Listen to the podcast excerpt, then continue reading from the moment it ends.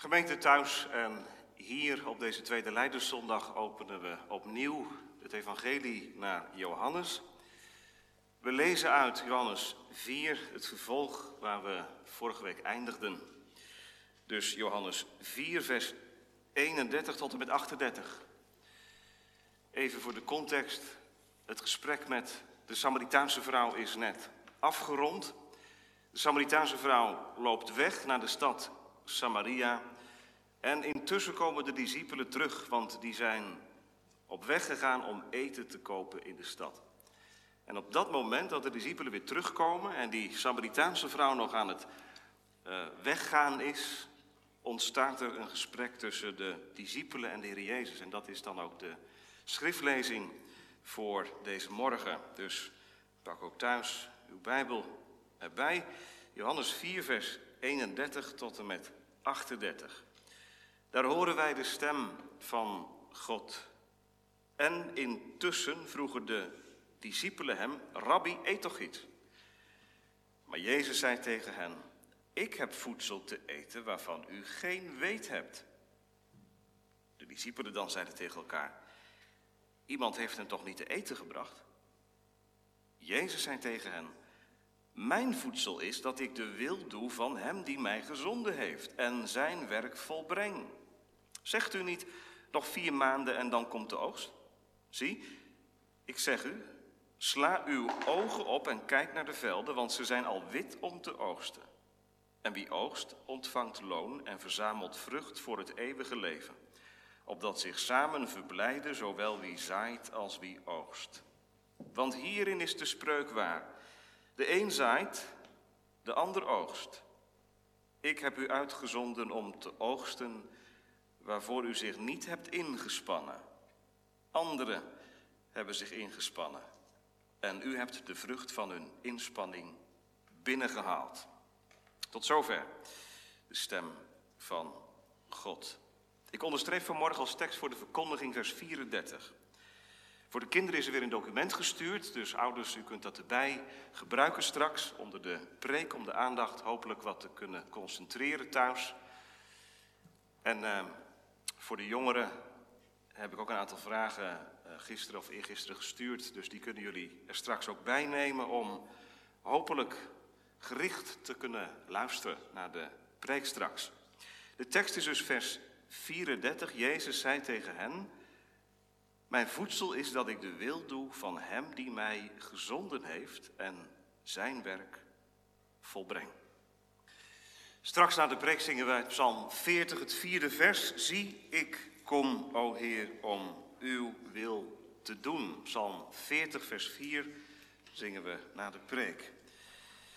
De preek zal dus gaan over vers 34 van Johannes 4. Mijn voedsel is dat ik de wil doe van Hem die mij gezonden heeft en zijn werk volbrengen. Ik kan het accent ook anders leggen.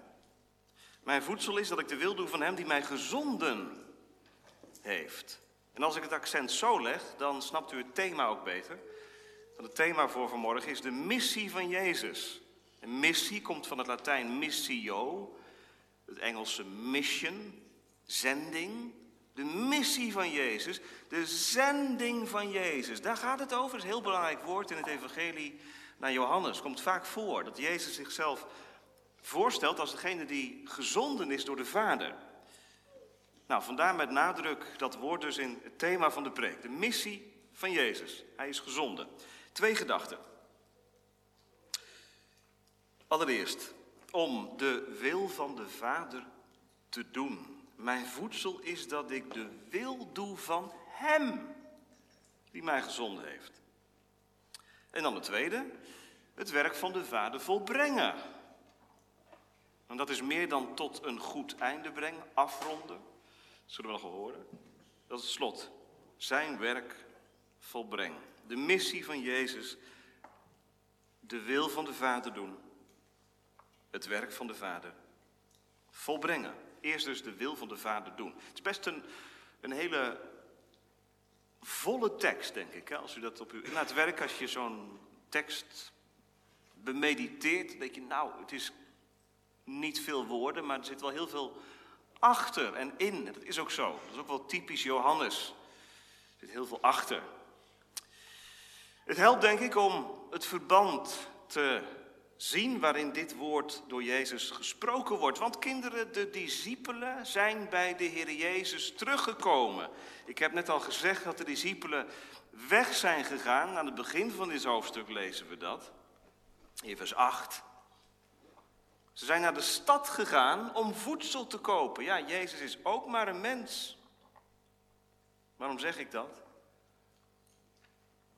Omdat hij honger heeft geleden, omdat hij dorst had. Op de blijdenskategorisatie hebben we het daar recent over gehad. Een mooi gesprek over gehad, over de mensheid van Jezus. Dat hij, net als wij, ook honger had en dorst leed. Dus het is ook heel begrijpelijk dat de discipelen op weg zijn gegaan om eten te halen voor Jezus. Nou, dat hebben ze gedaan. En nu komen ze terug. En dan zien ze iets. Wat zien ze? Nou, ze zien een paar dingen. Kijk even mee, kinderen. Wat zien ze? Wat zien de discipelen als ze terugkomen naar de Heer Jezus? Dan zien ze nog net een vrouw weglopen die ze even daarvoor met Jezus zagen praten. Want dat hebben ze ook gezien, hè? Vers 27 van Johannes 4. Daar lees je dat. Op dat moment kwamen zijn discipelen en ze verwonderden zich dat hij met een vrouw sprak. Jongen, jongen, jongen. Jezus als man met een vrouw. En ze komen er ook achter dat het een Samaritaanse vrouw is. Nou, dat is helemaal erg. Dat doe je niet. Joden en Samaritanen hebben geen contact met elkaar. Dat is overtreding van de regels. Dus de discipelen zijn al wat uit het lood geslagen. En dan, ja, ze zien nog meer. Wat zien ze dan nog meer? Ze zien een waterkruik staan. Vers 28. De vrouw nu liet haar waterkruik staan en ging weg naar de stad. Wat is dit?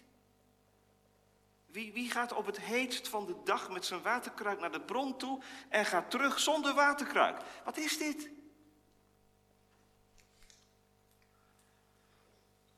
Ze voelen zich hoogst ongemakkelijk.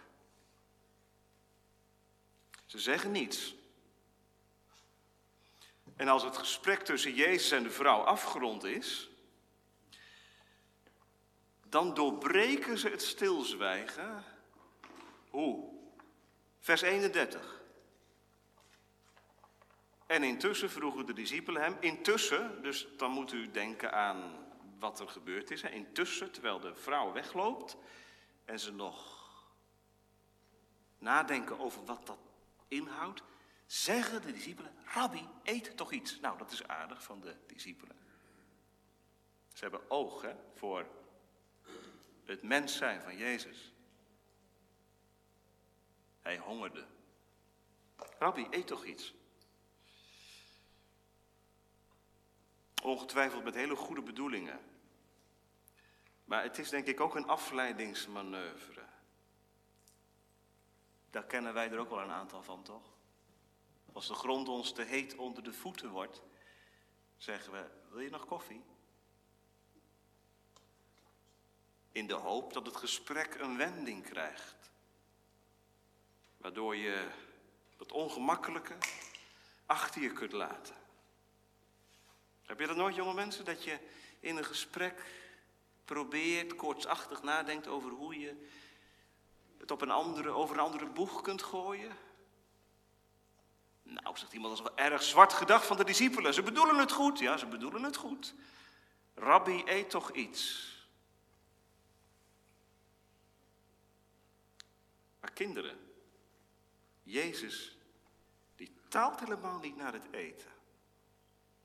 Naar het, naar voedsel van, van uh, wat de discipelen hem brengen.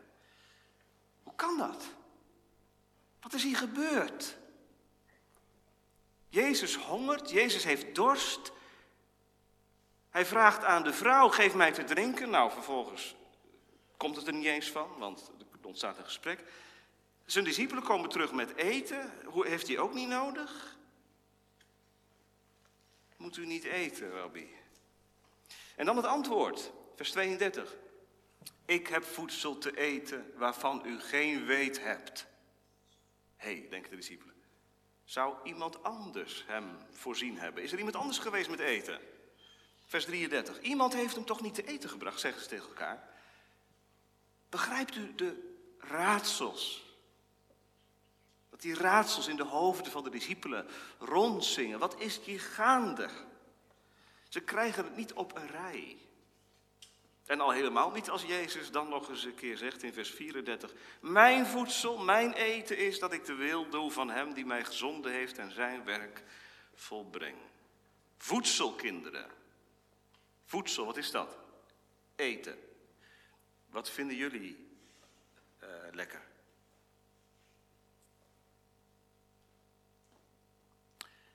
Waarschijnlijk woorden die met een P beginnen, of niet? Denk ik wel. Wat zegt de Heer Jezus?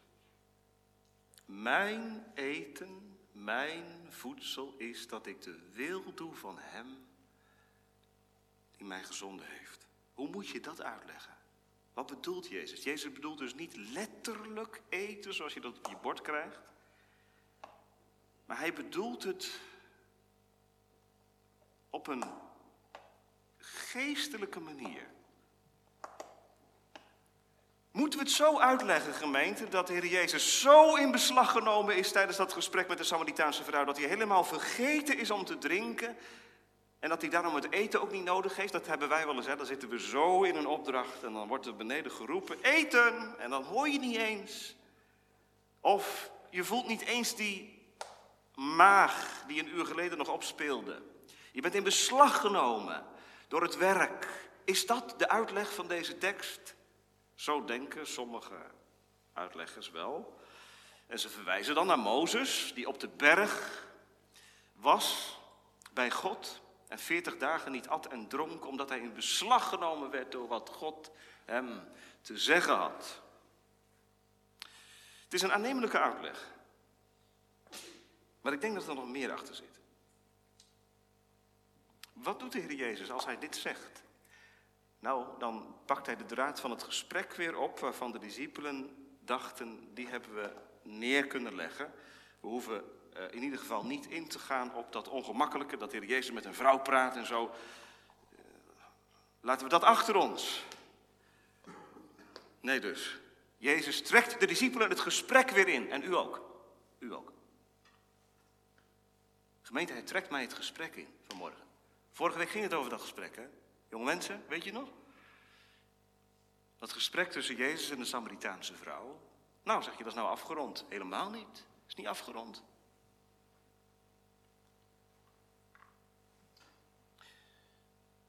Het gaat verder.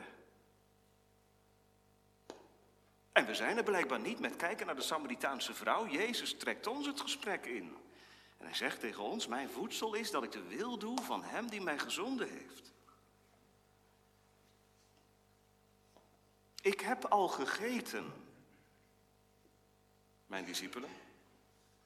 Wat hebt u dan gegeten? Ik heb een rijke maaltijd gehad die de Vader mij heeft gegeven. Die Samaritaanse vrouw was voor mij eten. En Jezus was voor de Samaritaanse vrouw drinken. Daarom liet ze haar waterkruik staan. De Samaritaanse vrouw dronk van Jezus en de Jezus at. Klinkt een beetje vreemd misschien, hè? maar hij at terwijl hij met die Samaritaanse vrouw sprak en haar ontdekte aan haar zonde en haar leidde uiteindelijk naar de bron, naar Jezus Christus zelf. En zo zijn ze allebei verzadigd. En dan komen de discipelen erbij en zeggen: Eet toch iets? Nee, zegt Jezus, ik heb wel gegeten. Ik hoef niet meer te eten.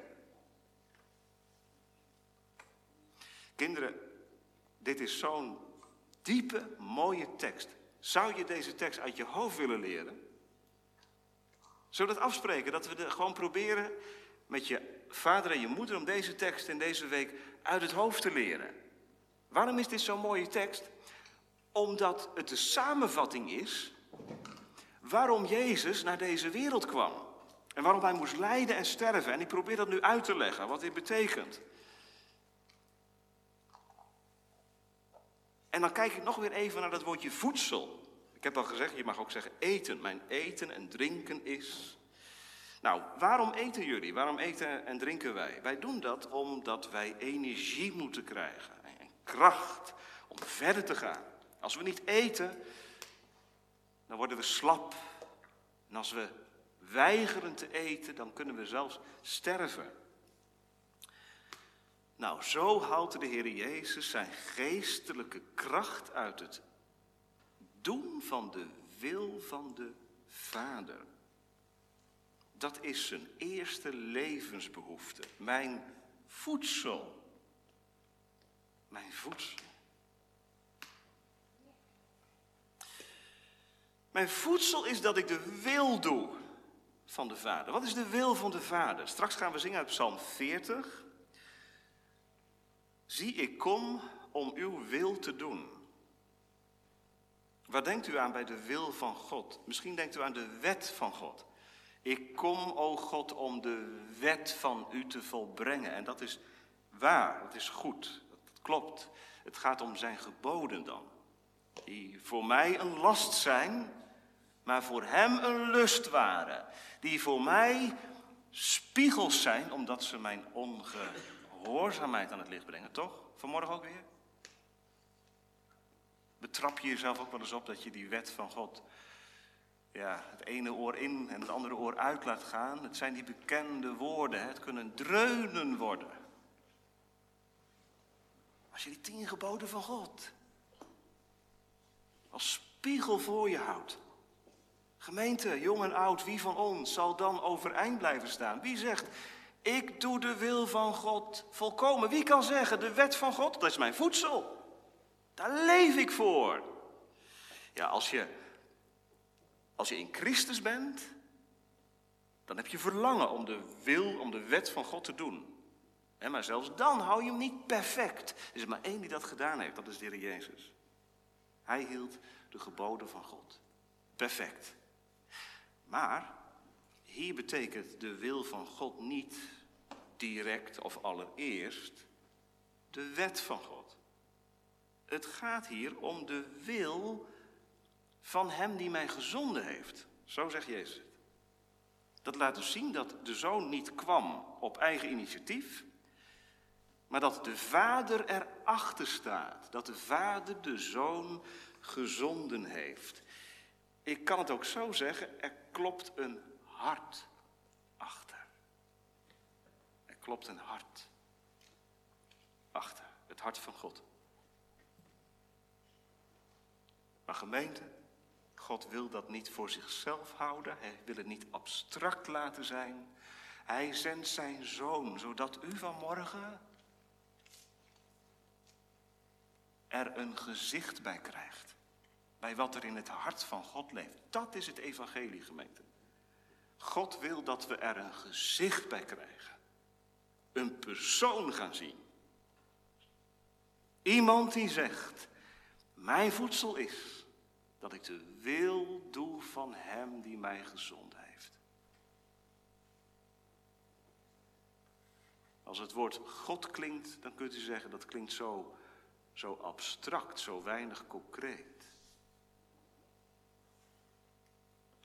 Maar als ik nou Jezus zeg, dan is dat niet meer abstract, maar dan is dat heel concreet. Kijk maar in Johannes 4 hoe concreet de Heer Jezus met die Samaritaanse vrouw spreekt.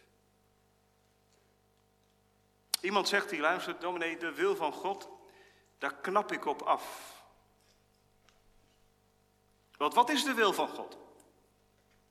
Wist ik het maar. Schimmige werkelijkheid, de wil van God. Dat weet je maar nooit. Nou, hier staat het. Lees eens mee. Lees je Bijbel eens. Mijn voedsel is dat ik de wil doe van hem die mij gezond heeft. Wat is de wil van de Vader?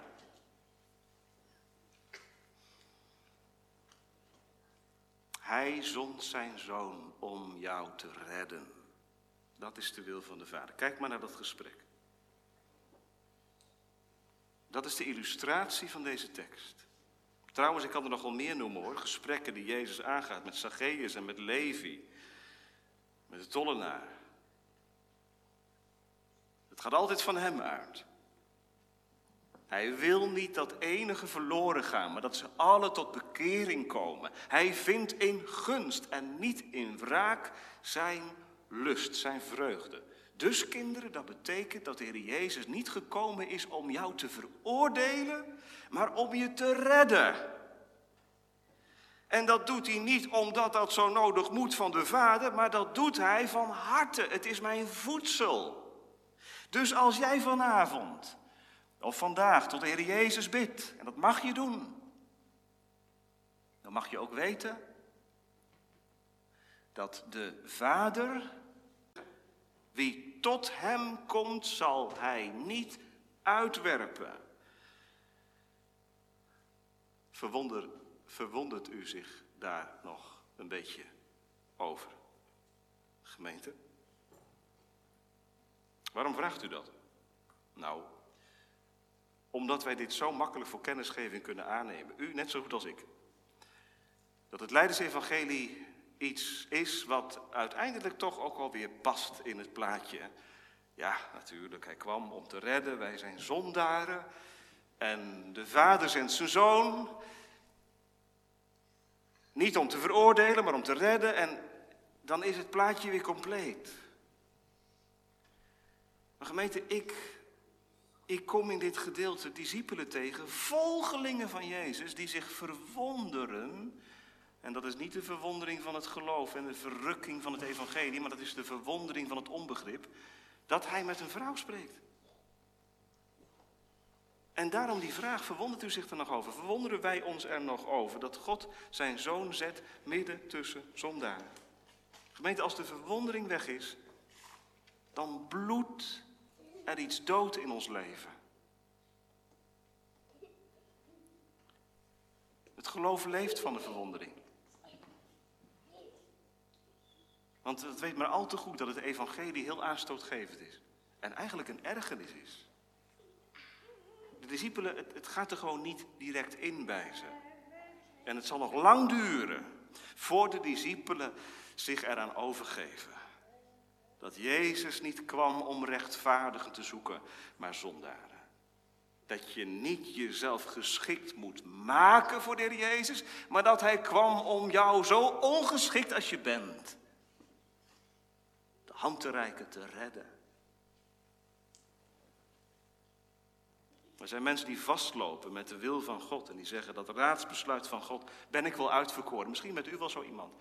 Die daar toch telkens weer tegenaan loopt. Ben ik wel uitverkoren? Wil hij mij wel hebben? Dan zegt de Heer Jezus vanmorgen tegen je.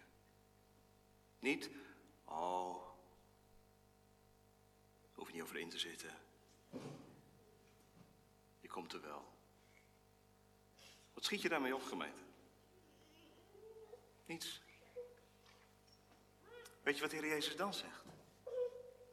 U zit ermee, hè? U loopt ermee vast, hè? Het voelt beknellend, hè? Maar ik zeg tegen u, mijn voedsel is dat ik de wil doe van hem die mij gezonden heeft. Ja, zegt iemand, stond er maar, mijn voedsel is dat ik de wil doe van zondaren. Zou u daar blij van worden als dat er stond? Dat er zou staan, mijn voedsel is dat ik de wil doe van die Samaritaanse vrouw. Zou je daar blij van worden? Ik niet. Want dat betekent dat ik dus op zo'n manier mijn nood moet formuleren, dat de Heer Jezus daar gevoelig voor wordt en dat hij zich uiteindelijk over mij heen buigt. Gemeente, ik ben zo blij, zo zielsdankbaar dat dat er niet staat, dat hier staat. Ik doe de wil van Hem die mij gezonden heeft, die pure, heilige, goede, vaderlijke wil. En in die wil van God mag ik vanmorgen tegen u zeggen, en dan haal ik maar Calvijn aan, die dat heel mooi gezegd heeft.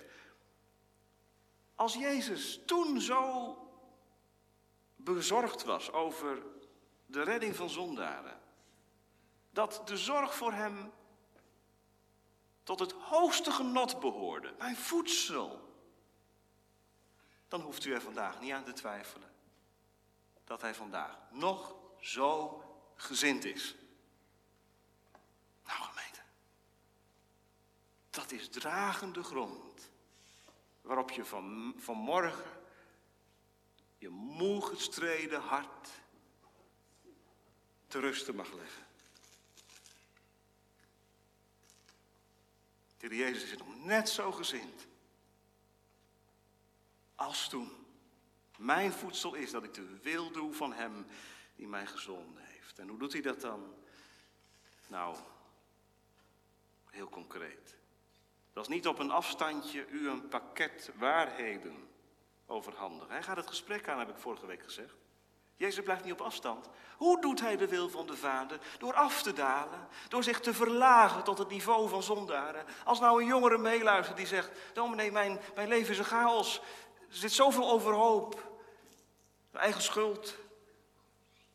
Dan zeg ik, kijk in Johannes 4 hoe de Heer Jezus het gesprek zoekt met een Samaritaanse vrouw die zich verlaagd heeft tot het allerlaagste niveau. Zich laat gebruiken door vijf mannen.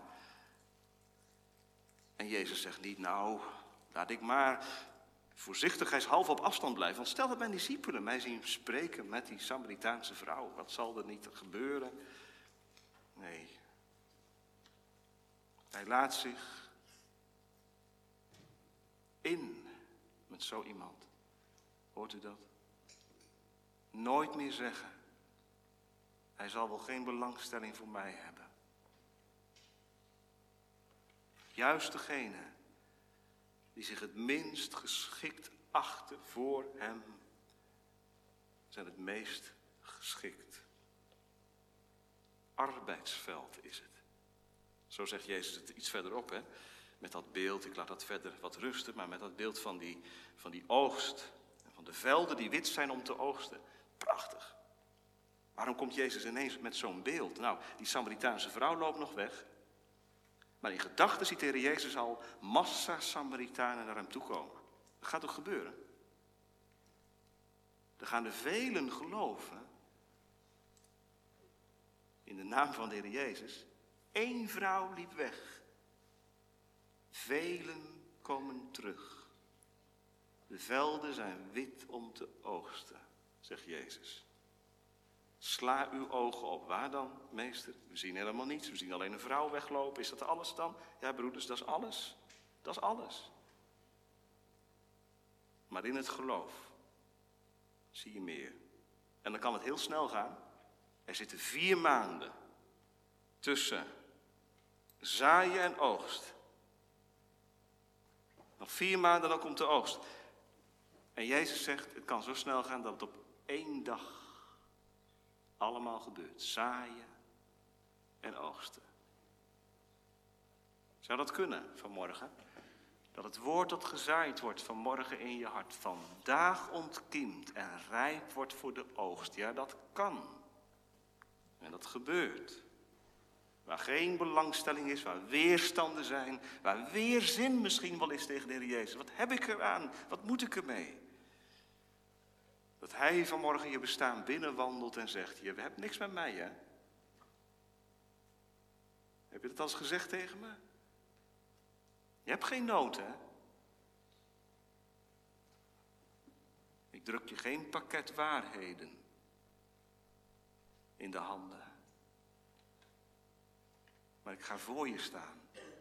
En ik zeg tegen jou, hart en verhard, mijn voedsel is dat ik de wil doe van Hem die mij gezonden heeft. Wat is de Heer Jezus toch wervend bezig? Hè? De evangeliegemeente, dat is het wervingsplan van de Vader. Daar is hij steeds mee bezig, nog altijd. Wonderlijke gedachten moet je nagaan. Niet alleen hier, maar vandaag op zoveel plekken in de wereld. Ver bij ons vandaan. Dichterbij. Het gaat door. Jezus laat zich niet onthouden van die maaltijd. Het tweede, Jezus vervult ook daarin Gods werk. Dat is het laatste stukje van de tekst, zijn werk volbrengen. Dat lijkt misschien wat overbodig, is dat niet hetzelfde als wat hij al gezegd heeft? Zijn werk volbrengen? Nee, toch niet. Want bedenk, de Heer Jezus is onderweg. Hij is onderweg. Hij moest door Samaria gaan, maar hij is onderweg. En hij gaat straks weer verder. Vers 43. Na die twee dagen vertrok hij vandaar en ging naar Galilea. Waar is hij naar op weg dan? Dat weten jullie wel toch, kinderen, waar Jezus naar op weg is? Naar Jeruzalem. Naar de stad. om straks buiten de stad te lijden en te sterven. En weet je wat die reis van de Heer Jezus inhoudt? Als wij reizen, dan reizen wij van A naar B om onze oma te bezoeken of onze opa te bezoeken.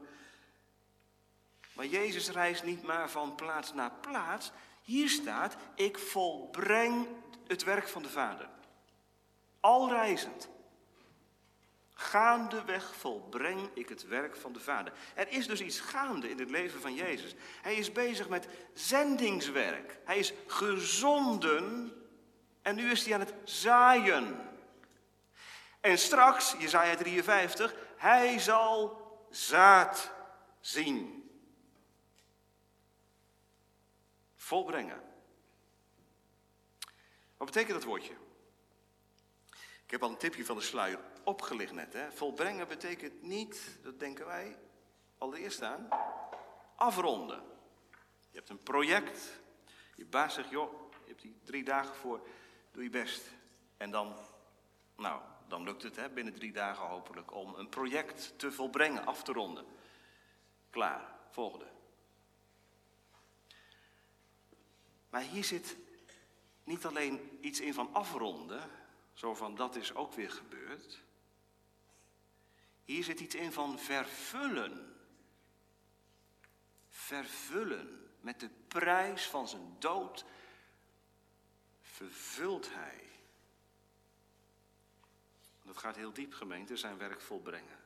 Zo diep dat Jezus er aan onderdoor moet. Zo volbrengt hij het werk van de Vader. Waarom moet dat, gemeente? U moet er maar aan denken in deze leiderstijd dat als wij nadenken over het werk van Jezus voor zondaren, dat er altijd iets aan vooraf gaat.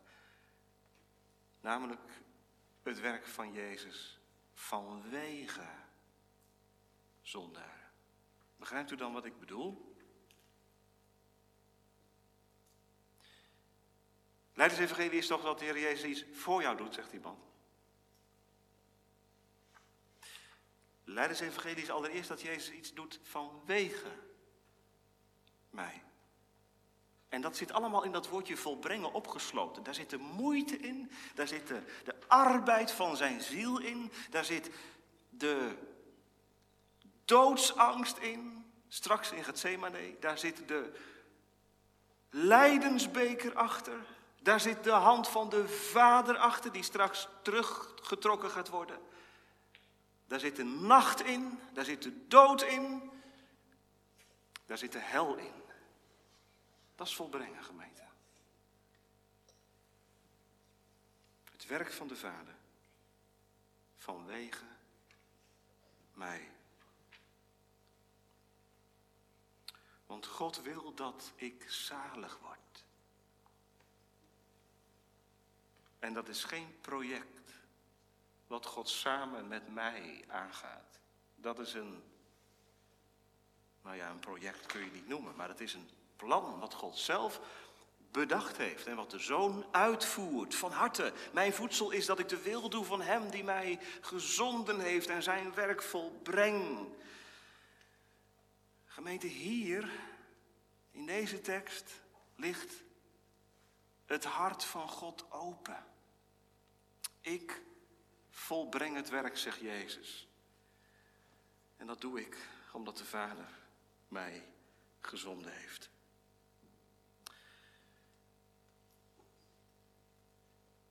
Dit is houvast.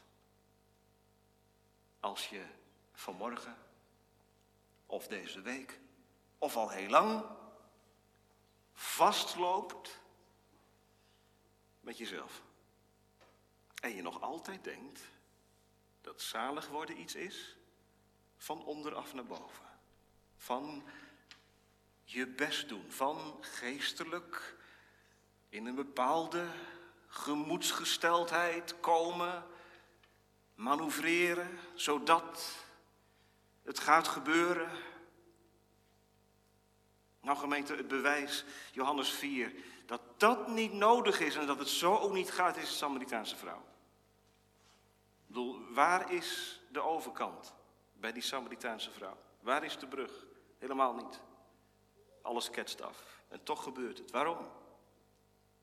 Omdat er één is die hartstochtelijk bezig is het werk van de Vader te volbrengen. Gemeente, zeg het vanmorgen maar. Als je van genade leeft, als de Heer Jezus je lief is, waar begon het? Wie begon? Dank u, mijn Vader, dat u begon. En dat u uw zoon zond naar deze wereld voor mij. Daar ligt het vast. En dan kan er van alles tegen opkomen. Maar dit is grond buiten jezelf. En het evangelie wat je op zondag hoort is altijd weer bedoeld om het leven buiten jezelf, de zaligheid buiten jezelf, in Jezus Christus te zoeken. En waar vind je het? Daar waar hij het uitroept. Het is volbracht. Hé, hey, volbrengen. Het is volbracht, inderdaad. Ziet u de lijn? Tetelestai. Hier gebruikt de Heer Jezus al. Ik ga door tot het bittere eind. Ik volbreng het werk en ik zal het straks uitroepen. Het is volbracht. En met dat evangelie mag ik vanmorgen naar u toe komen. De gemeente van Christus hier, naar iemand die toevallig meeluistert. Het evangelie is, er is ruimte, er is redding, er is leven in Christus. Wat moet ik meebrengen? Niets. Niets. Er wordt gezaaid. Er wordt gezaaid. En er ontstaat iets. Maar ik heb niets wat ik mee kan brengen. Hoeft ook niet, zegt de Jezus. Ik werk het uit. Ik doe het. En ik maak het helemaal af. En aan het kruis, daar vindt de Heer Jezus uiteindelijk de rust die hij hier nog niet vindt. Dat rusteloze, dat zit in het leven van de Heer Jezus. U zegt rusteloos. Als er één de rust zelf is, is dat toch de Heer Jezus. Nou, dat rusteloze zit hem hierin dat hij het werk van de Vader doorzet. En daarom moet hij door en door tot het klaar is. Oh, wat een zaligmaker. Zo één is mijn liefste. Zegt u dat na? Weet je wat de Samaritaanse vrouw straks zal zeggen? In vers 42 lezen we de reactie van, van de, uh, de Samaritanen, van die dorpsgenoten. Wij geloven niet meer om wat u zegt, want wij zelf hebben hem gehoord en weten dat hij werkelijk de zaligmaker van de wereld is, de Christus. Dat is de reactie van de dorpsgenoten. Omdat die vrouw gezegd heeft, kom, zie iemand die mij alles gezegd heeft wat ik gedaan heb. Zou hij niet de Christus zijn, de gezalfde? Gemeente, dat is het evangelie. En dat ligt nu in het hart van de Vader. En in het hart van de Zoon. En dat is het werk van de Heilige Geest. Dat je je leven overgeeft aan Jezus Christus. Overgave. Omdat Hij zichzelf overgaf aan mij. Wat is geloven anders gemeente dan leven van wat Hij verworven heeft? Dan ga je die psalm, psalm 40 zingen met het oog op Jezus. Zie, ik kom. En dan zing je het Nieuw Testament, is hij is gekomen. Om Gods wil te doen, om zijn werk te volbrengen. Heer, daar vindt mijn hart alleen maar rust. Dat is de evangelie in Leidenstijd. In een rusteloze wereld, in coronatijd. Het ligt vast. In u. Ik vind allerlei troost in zijn wonden. Amen.